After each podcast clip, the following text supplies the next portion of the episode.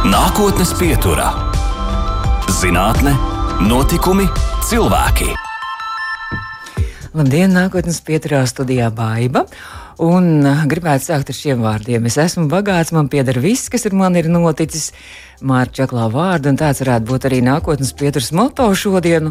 Un izrādās, ka viena no parādībām, kas mūsu atmiņā saglabājusies kā spilgts piedzīvojums, ir pirmais apēstais banāns, kurš bijis glums un garšojis pēc ziepēm un radījis vilšanās sajūtu, vai arī padomu laika deficīta preci un modes must-have krimplēna audums, kas bija izturīgs un nenovalkājams.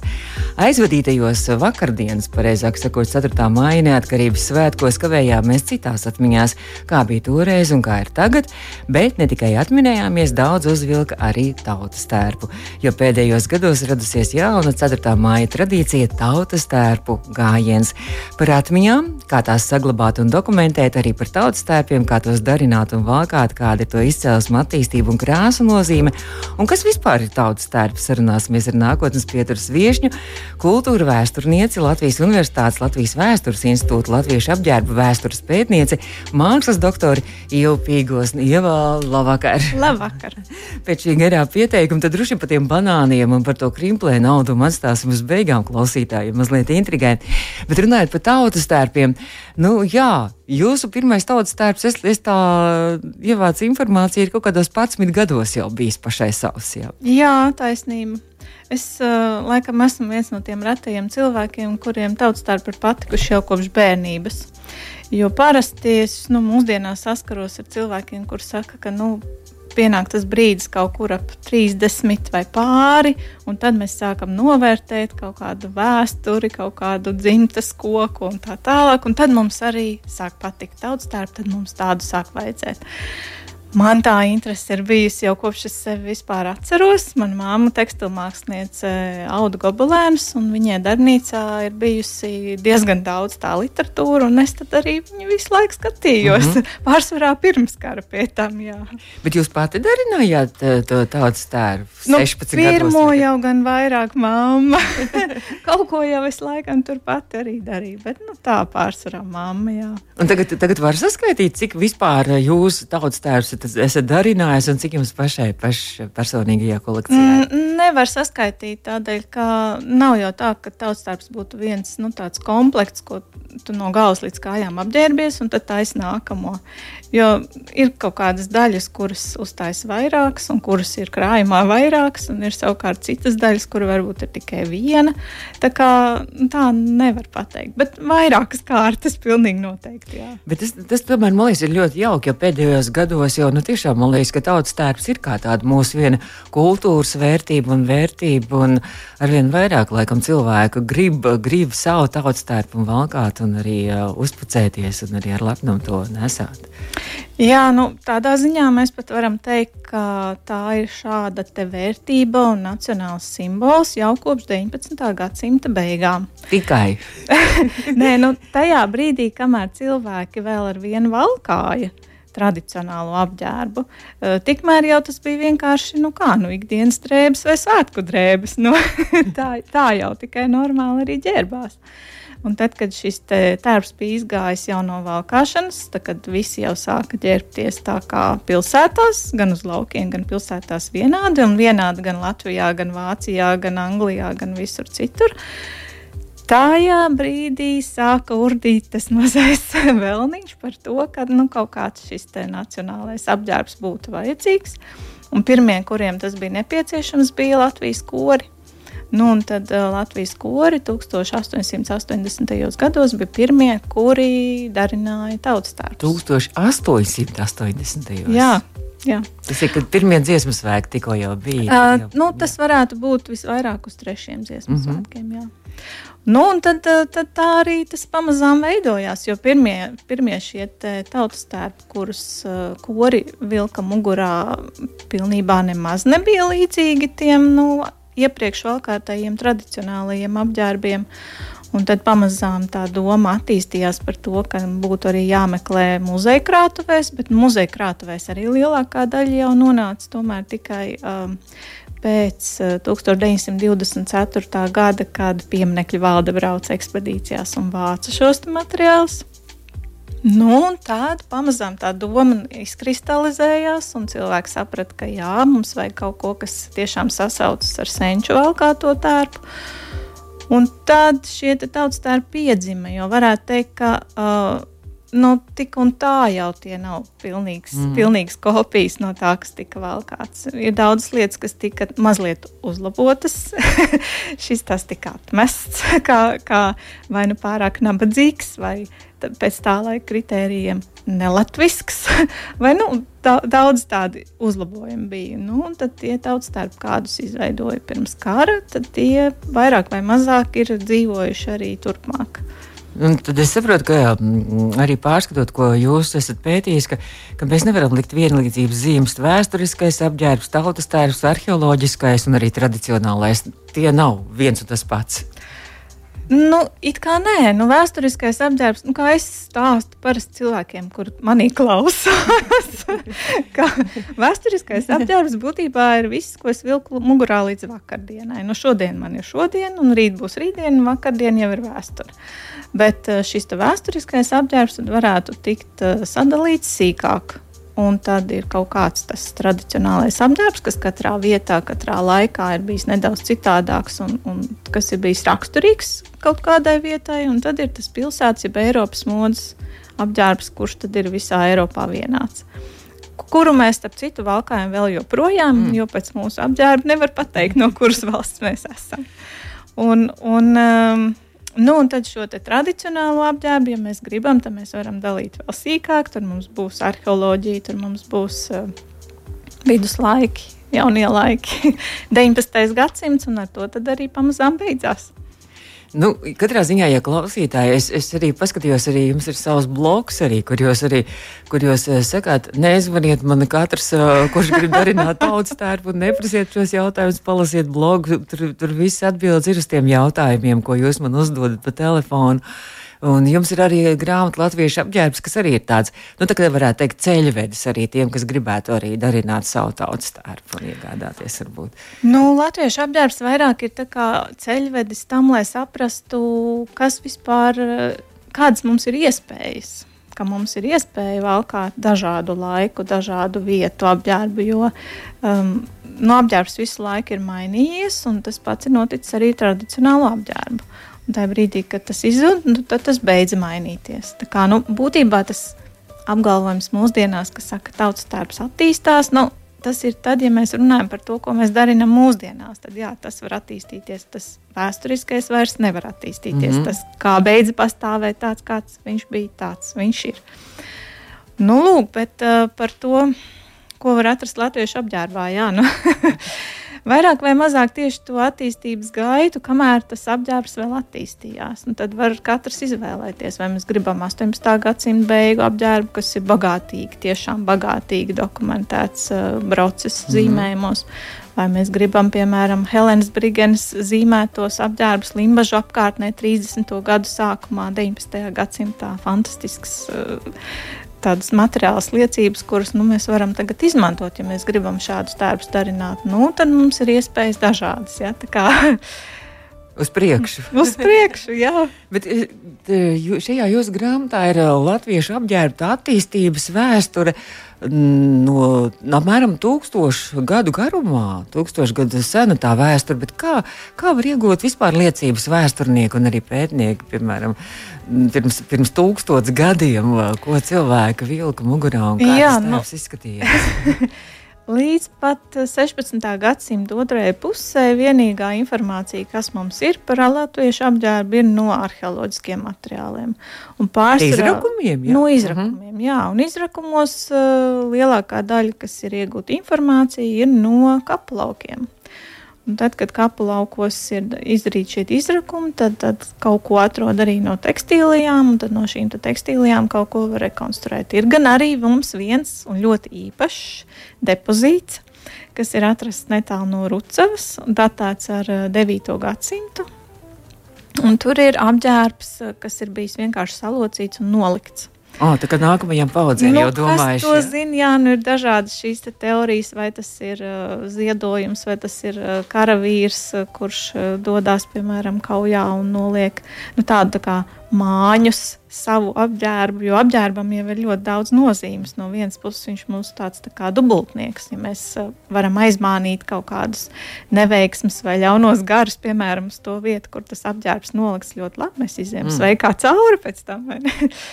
Nu tā, un, un, un šis depozīts arī jā, tas ir tāds unikāls un, un tāda lieta, ar ko mums lepoties. Un tas ir salīdzinoši labi saglabājies apģērbs. Pēc tā mēs bet, varam. Bet, bet vispār, bet vispār senie latvieši ir bijis tādi, tagad modē tas zaļais dzīvesveids. Viņi ir bijuši ļoti, ļoti zaļi domājoši cilvēki un tādi ļoti progresīvi. Jo, Jo laikam apģērbs tika izmantots līdz pēdējai vīlītei, un tika pāršots un pārdarināts, un vēl un vēl. Un vēl. Tā kā to neko mm. nemet ārā. Nu, par to zaļumu ir tā, ka mm, nu, vairākas tās. Um, nu, tās domas, kas cilvēkiem bija, tas bija pirmkārt jā, nu, tas, ka nabadzības spiest cilvēki ir, ir ļoti taupīgi.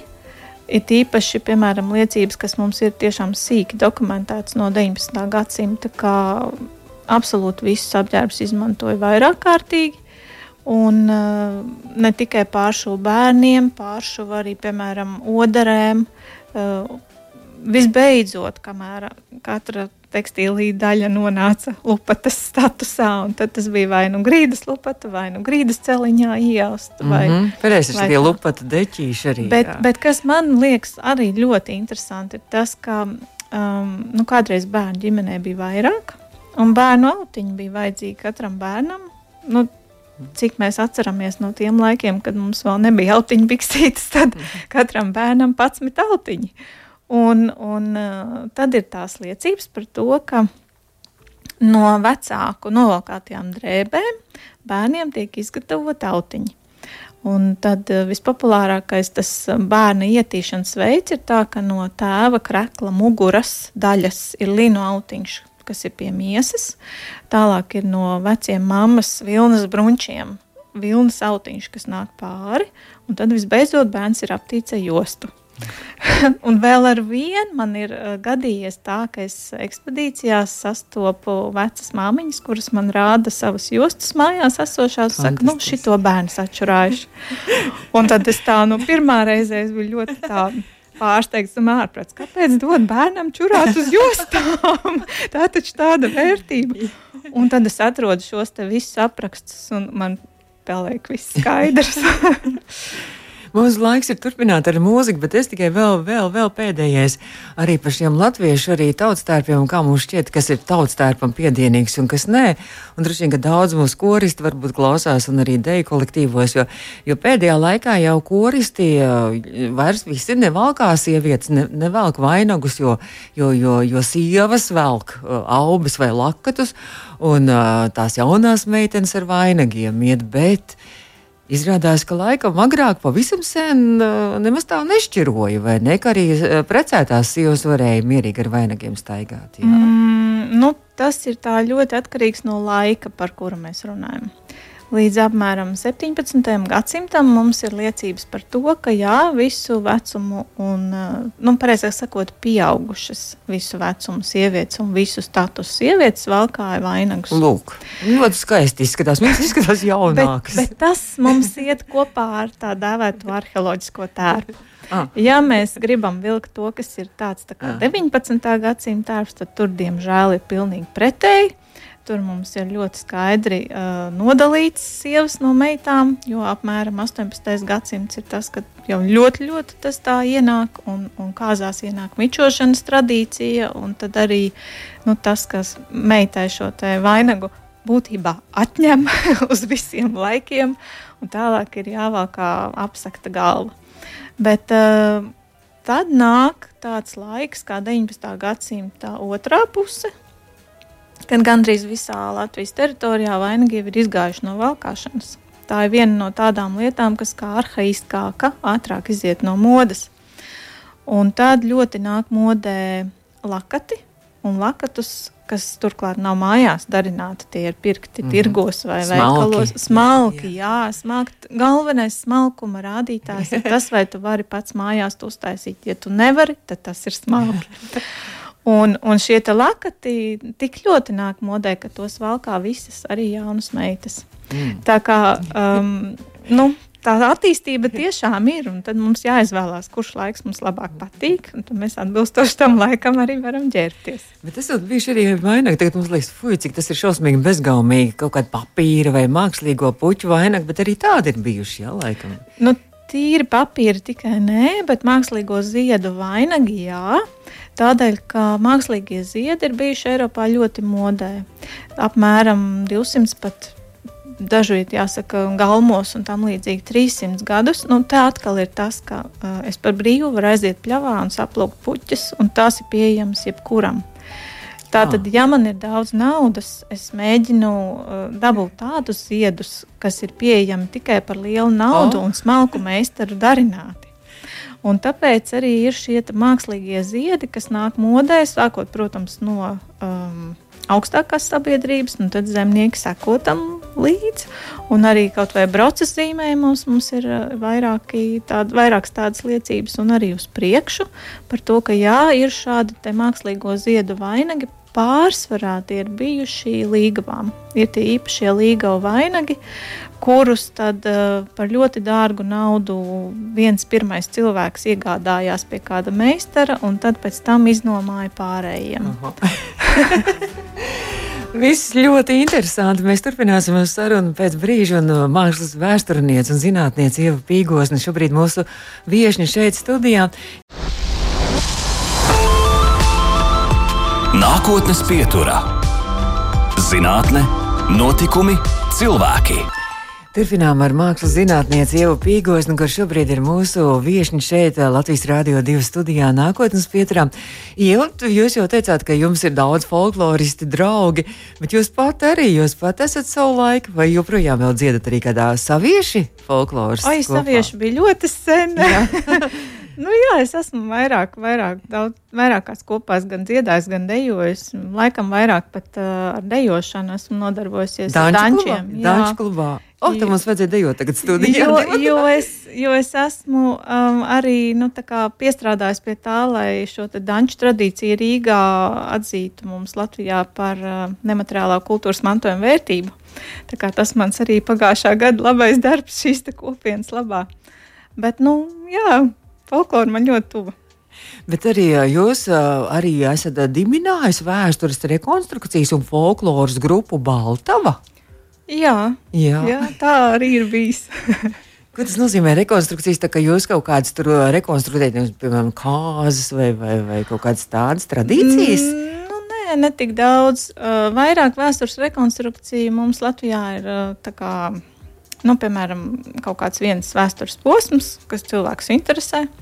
Mani pārsvarā ir interesējis uh, tas senlatviešu laiks, kas ir vēlais dzelzs laikmets, 9. un 12. gadsimts. Bet ir arī citi posmi mums Latvijā, kurus cilvēki nu, mēģina izzināt caur atdarināšanu, ka pats pamēģina, kā tas ir. Izgatavot tērpu, ah. izgatavot mm -hmm. ēdienu, uztaisīt māju. nu, daudzas lietas prasa daudz laika un daudz spēka, bet nu, toties tas ir ļoti interesanti. Jā, izklausās aizraujoši. Runājot par jūsu arī pētniecību, tad jums savulaik, laikam, jums tas bija arī kā doktora darbs, arī krāsas un to nozīmi baltu. 3, 3 līdz 13. gadsimta apģērbā. Un tad arī par tām krāsām visai dīvaini. Arī es tā pārst, pārskatīju un arī pārsteigtu, ka, ka mums liekas, nu, mums ir tradicionāli latvieši, nu, mums tie tā, tā kā zemes toņi un tā, bet, bet laikam. Pašas pirmās krāsas ir bijušas sarkana un brūna, kas ir ienākušas arī mūsu apģērbos. Um, nu, droši vien jāskatās vispirms tā, ka mm, pirmās krāsas ir tās, kuras vispār var nokrāsot. Un, uh, pirmkārt, jau mums ir līnija apģērba, kuriem krāsa praktiski nekad nav bijusi. Tas ir nu, tas baltais skrekls vai baltas kājas, kuras mēs aunam, kas ir no kājautiem. Nu, tad ir vilnas apģērbi, un vilnas apģērbi jau no pašiem pirmajiem atrastajiem arheoloģiskajos izrakumos tekstīlī maziem fragmentiņiem jau ir diezgan bieži krāsoti. Un tad no šiem izrakumos atrastajiem fragmentiem mēs varam secināt, ka jā, jau paši pirmie, kas ir datēti ar 3. un 4. gadsimtu, ir bijuši krāsoti sarkanā krāsā. Arī brūns ir ap to pašu laiku, un tad pāris gadsimtus vēlāk arī šis mēļais, jeb tumšs zilais tonis. Un, nu, ja mēs skatāmies cauri to arheoloģisko materiālu, kāds mums Latvijā ir, pārsvarā jau ir tieši tas tumšs zilais. To visvieglāk nokrāsot? Ir? Nē, to ir tieši visgrūtāk ah. nokrāsot. bet bet uh, visdrīzāk tas tomēr ir tādēļ, ka um, tekstīlīs saglabājas tajos kapos, kuros ir klāta daudz rotu. Bronzas rotas ir tās, kas uh, veic to nu, konservēšanas mm. darbu. Citādi jau viņi sapūst un, diemžēl, nesaglabājās. Līdz ar to mēs nezinām, kādās krāsās ģērbušies nabadzīgie cilvēki. Mēs zinām tikai to, kādās krāsās ir ģērbušies ah, tie, kuriem Turīgi, ir bijusi jau. daudz uh, naudas un daudz rotu. Un, uh, Acīm redzot, šī tumši zilā krāsa, līdzīgi kā daudz vietā Eiropā, ir bijusi pati prestižākā, un tāpēc arī šo turīgo cilvēku pats labākais apģērbs, ar kuru viņš ir gūlies kapā, ir bijis ļoti bieži tumši zilā krāsā. Bet tā taisnība, ka arī uh, savulaik arī kaut, kaut kur audumos, arī audeklos, arī iauda kaut kādas metāla tur riņķīšus vai kaut ko tādas, kaut kāds metāla gabals. Jā, un tāpēc arī mums uh, tieši tie audumi ir vislabāk saglabājušies. Piemēram, uh, sieviešu villainas no šī 9. un 12. gadsimta. Mums ir tiešām salīdzinoši ļoti daudz, nu, ne pilnas, pilnas bet nu, fragmentāras, tādēļ, ka šī tradīcija bija ieaust uh, bronzas gredzentiņus. Un, à, tieši villainēs. Nu, pārsvarā uh mhm. -huh. villainēs. Dažkārt ir arī vīriešu svārkos, ko nevajag sajaukt ar. Um, ar bruņķiem, bet nu, tādos tā kā vamžos, jakās, varētu teikt rokautos, dažkārt kājautos. Eh, šajās apģērba daļās ir bijuši iejausti bronzas gredzentiņi, un tādēļ arī ir ļoti labi iekonservējies apģērbs, un tas ir nonācis līdz mums. Jūs sakāt, ka par balto un melno krāsu jūs uh, neesat šīs krāsas aprakstījis savā pētījumā, un arī iemesls arī sakat, kāpēc. Uh, Nu, tas ir tāds daudz to iemeslu. Nu, pirmkārt, es um, izvēlējos tās krāsas, kuras ir sastopamas šajā seno latviešu apģērbā, vilnas, vilnas drēbēs, kas ir krāsotas, speciāli krāsotas. Un, uh, un tās bija no šīs te. Plus man vēl izdevās izpētīt arī pelēko, zaļo krāsu par nozīmi tām krāsām. Tā. Zaļā esot tāda riebīga, jā? Ja? nu, te jau atkal kā kurā laikā. Lielāko tiesu pārsvarā zaļā krāsa vienmēr ir bijusi tāda tā kā dzīvības krāsa, mūžzaļo augu krāsa un vasaras krāsa, zaļas zāles un zaļa zāle un zaļa dzīve mums ir aptuveni viens un tas pats. Tā kā nu nav jau tā, mm. bet, eh, bet apģērbā zaļā krāsa ir izmantota salīdzinoši daudz vēlāk. Un tas um, iemesls nu, droši vien ir tas, ka bija kaut kādas krāsas, kuras bija modē. Nu, tās jau pieminētās. Un tad bija viens periods, kad Eiropā zaļā krāsa bija tā riebīgā. Aizspriedumi kaut kādi bija. Jā, tur, tur nu, Eiropā pastāvēja uzskati, nu, kristīgajā tradīcijā ir īpaši par to, ka zaļā krāsa ir kā vēlna krāsa, puķi visādi un tādi nelabie un, un nu, tādas ļaunas uh mhm. -huh. lietas, tad arī, arī bija zaļajā krāsā. Un, un tikai kaut kādā 18. gadsimta sākumā beidzot no šīs domas atbrīvojās, un tad pēkšņi zaļais ienāca apģērbā, un, un viņš visiem ļoti patika, un zaļo sāk izmantot ļoti daudz. Un arī Eiropā, piemēram, tās slavenās indīgās eh, tapetes zaļā krāsā, tad nu, ar to stipri saistīts. Jūs tagad nomierinājāt, jo man liekas, ka šajā sezonā tā zaļā krāsa, ka modes eksperti iesaka zaļo krāsu. Nē, nu mūsdienās jau mēs varam jā. skatīties, kuru vēstures periodu mēs gribam. Ja mums ļoti patīk senlatviešu laiks, mēs nu, tā kā varbūt neizmantojam zaļo. Ja mums patīk, piemēram, 19. gadsimts uz, uz pilnu klapu. Bet kas ir to melno un balto? Tās ir tā kā, tā kā duālas. Nu, melnā un baltā ir, nu, ir trīs krāsas, kuras ir vis, vissanākās krāsas praktiski visām sabiedrībām, visām, visām kopienām. Un noteikti Latvijas teritorijā tā skaitā vienkārši par vissanākajiem laikiem mums nav to liecību. Un, un baltā, melnā un sarkanā ir bijušas ar šo nozīmi, nu, ka melna ir zemes un dzīvības krāsa, balta ir sniega, sasaluma, nāves krāsa, un sarkanā ir pa vidu kā asinis. Nu, tad uh, asinis iekšā ir labi, asinis ārā jau vairs nav tik labi. Tad atkal jau velk uz to nāves. Nāves pusi. Un, attiecīgi, nu, šīs krāsas, kuras ir ļoti senas, viņām ir arī ļoti, ļoti daudz nozīmes. Uh, Un, uh, kamēr es jau izpētīju tās krāsas, kas man ir promocijas darbā, tikmēr es sapratu, ka man vienkārši rokas par īsām. Varbūt kādreiz atgriezīšos vēl pie tā. Man liekas, ka mēs arī varētu, un jūs varētu ilgi un gari un vēl stāstīt un stāstīt, un tas ir ļoti interesanti. Bet, bet mums, protams, ir laiks eh, turpināt, un mums ir par jūsu pašu jaunāko ideju un projektu arī noteikti jāpaspēj izrunāt. Ieva Pīgos no mākslas vēsturniece šobrīd ir mūsu studijas viešņa nākotnes pieturā Latvijas Universitātes, Latvijas vēstures institūta, Latviešu apģērba vēstures pētniece, mākslas doktora. Nākotnes pieturā. Turpinām nākotnes pieturu un mākslas vēsturniece Ieva Pīgos no mūsu viesņa šodien nākotnes pieturā, un tad jau mums beidzot arī jāstāst par to.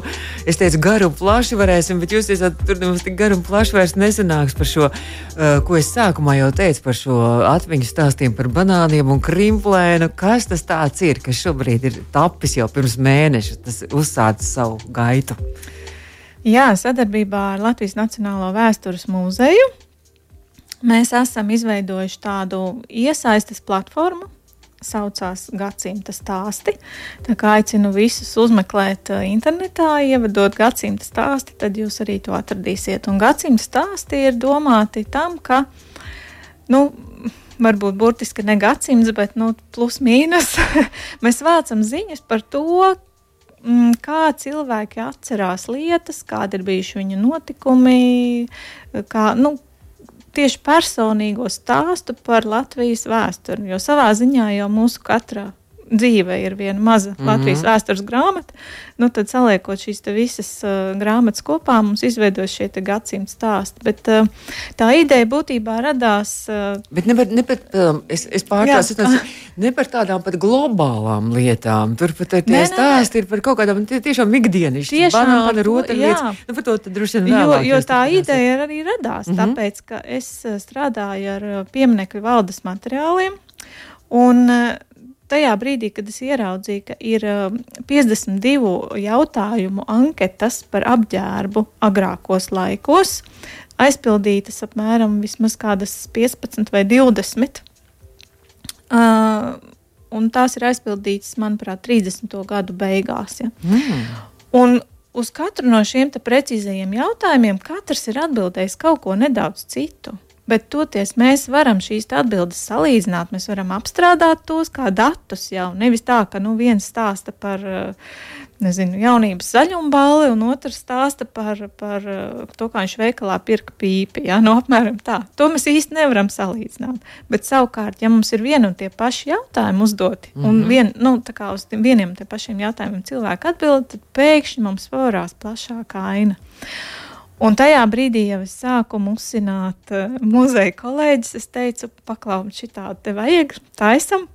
Un, un es ļoti priecājos, ka mana komanda izveidojās brīnišķīgi, un, un, un mēs esam strādājuši veselu gadu pie tā. Un, un ļoti interesants arī šis process, un man ir jāsaka ļoti pozitīvs un mhm. pozitīvā mm -hmm. gaisotnē. Un mēs esam izveidojuši ļoti daudzas šīs anketas. Nevienā nav 52 jautājumi. Es, es aicinu nebaidīties. Bet tas anketas par pa tēmām, jā, jā ir, ir sadalījuši ļoti daudz tēmas. Tēmas, sīks, tēmas ir kādas nu, 11, nu, un tad zem katras tēmas mm -hmm, ir, ir vairākas anketas. Jā.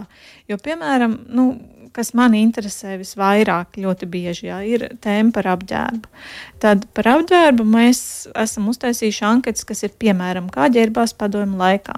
Tur ir apakšā jautājumi par to, piemēram, ko jūs vilkāt bērnībā, kādus apģērbus jūs paši izgatavojāt mājās, vai jūs uh, vairāk pirkāt vai jūs aizņēmāties no citiem, kas notika ar jūsu novalkāto apģērbu.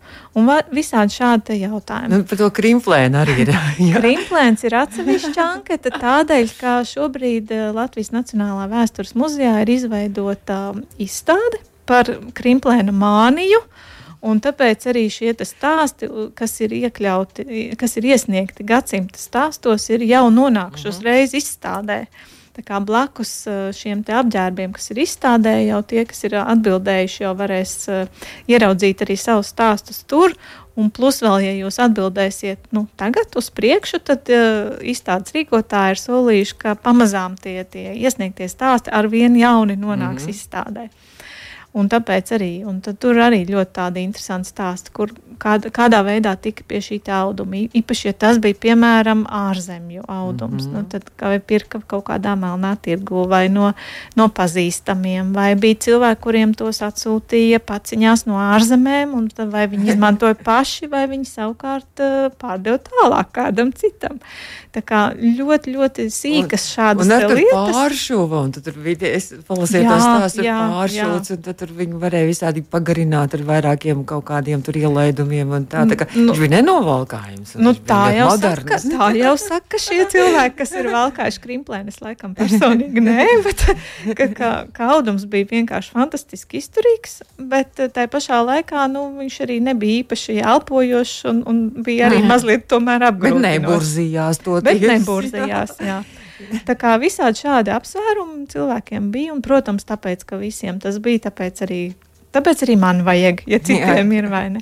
Un, Bet, nu, tās tēmas ir um, ļoti daudz un ļoti sazarotas. Nu, mēs, mēs varam kaut kādas uh, tā, tā ātri pārskriet par kaut kādām galvenajām, kas tur vēl tādas. Tur, nu, piemēram, tēma par mājokli.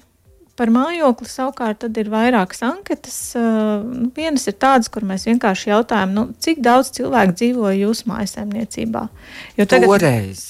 Nu, Tagad? par to laiku, à, to par laiku. kuru nu, jūs atbildēsiet. À, à, ja jūs, piemēram, atbildēsiet par savu bērnību, tad mm -hmm. jūs mhm. tā arī rakstīsiet. Tur, pieņemsim, nu, es par savu bērnību 70. un 80. gados vai kā tur tur un tur, piemēram, tur man būs Rīgā, citam būs. Nezinu. Tur komunālie dzīvokļi arī bija. Jā, jā, jā, jā. Tā, kā, tā kā katrs cilvēks atbild par sevi un stāsta par to, kāda ir viņa pieredze.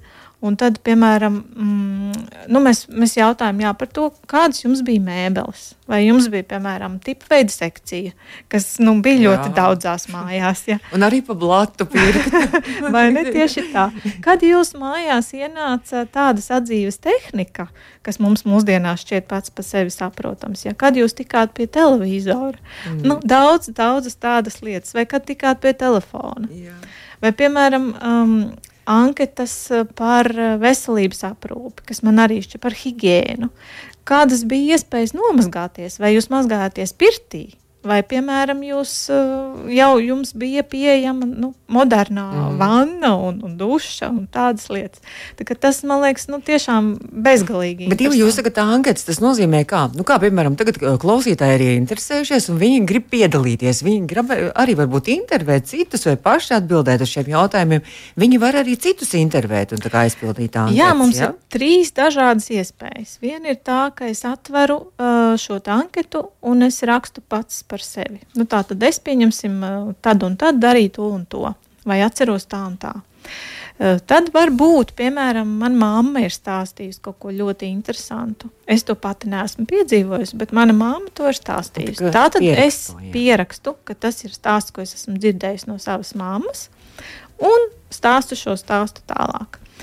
Un, uh, trešais variants, vai nu, tajā platformā tas ir otrais variants. Uh mhm. -huh. Mums vēl ir iespēja, ka mēs intervējam patiešo kādu cilvēku.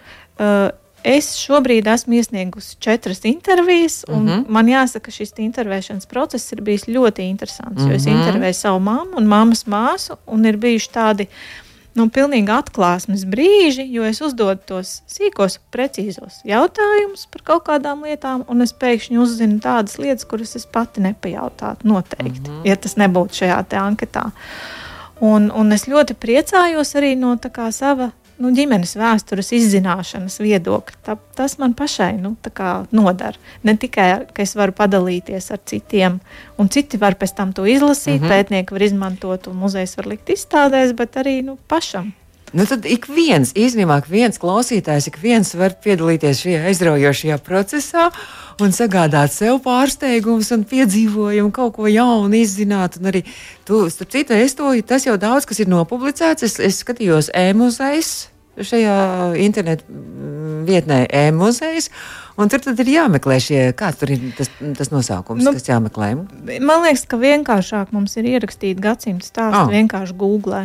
Un tad oh. jums uzreiz mm -hmm. atvērsies šī saite, un saite uzspiežot arī uzreiz nonākam gadsimta stāstā. Un tad tur var arī atrast tās anketas, jā, tās arī to var atrast, mums palasīt ir, paši. Var mums ir sešas izceltās anketas.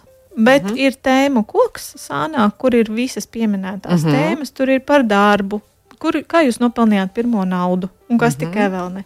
Un tad jūs tur varat sameklēt visas iespējamās lietas, kas jūs interesē. Par tālākām, kolhozā, kā tur kartupeļu tālāks un tieši un viss jā, kas tieši tagad, tā, tieši nu, tā. Noteikti jā. ļoti, ļoti tiešām tas ir interesanti. Kā, ka pat nav pašam jādomā, tur var apskatīties tās sadēļas un, un, un, un, un, pie, un tad sūtīt jums, iesūtīt vienkārši tur, to. Es ieteiktu droši vien vispirms uzrakstīt uh, pašam savā datorā un pēc tam iekopēt mm -hmm. uh, platformā bet var arī aizpildīt uzreiz iekšā platformā. Tie, kas nemāca to darīt, tad droši vien jāpalūdz arī kādam, varbūt palīgam. Nu, kas, kas ja, piemēram, arī. cilvēks tik labi pats uh, nepārzina, nu, nepārzina datoru, tad uh, pilnīgi noteikti kāds var, kāds var palīdzēt. Tas tiešām nav sarežģīti. Mm. Mums mhm. arī ir uh, nu, tāda tā kā apmācība vai instrukcija, Jā. varētu teikt, ja, pievienota ar, ar zīmējumiem un ar paskaidrojumiem, ka pirmais solis tāds, otrais tāds, trešais tāds, tad dariet tā.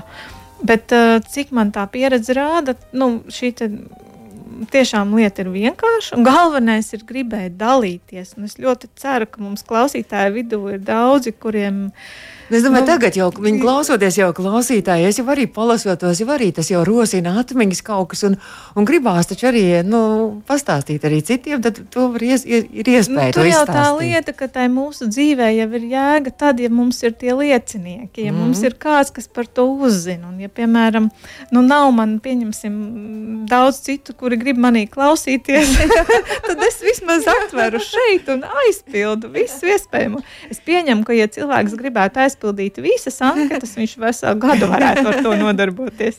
Bet tas ir atkal kaut kāds, varbūt, varētu būt aizraujošs, jauns vaļasprieks. Hobijs, arī, vai ne? Jā, jā tieši jā. tā.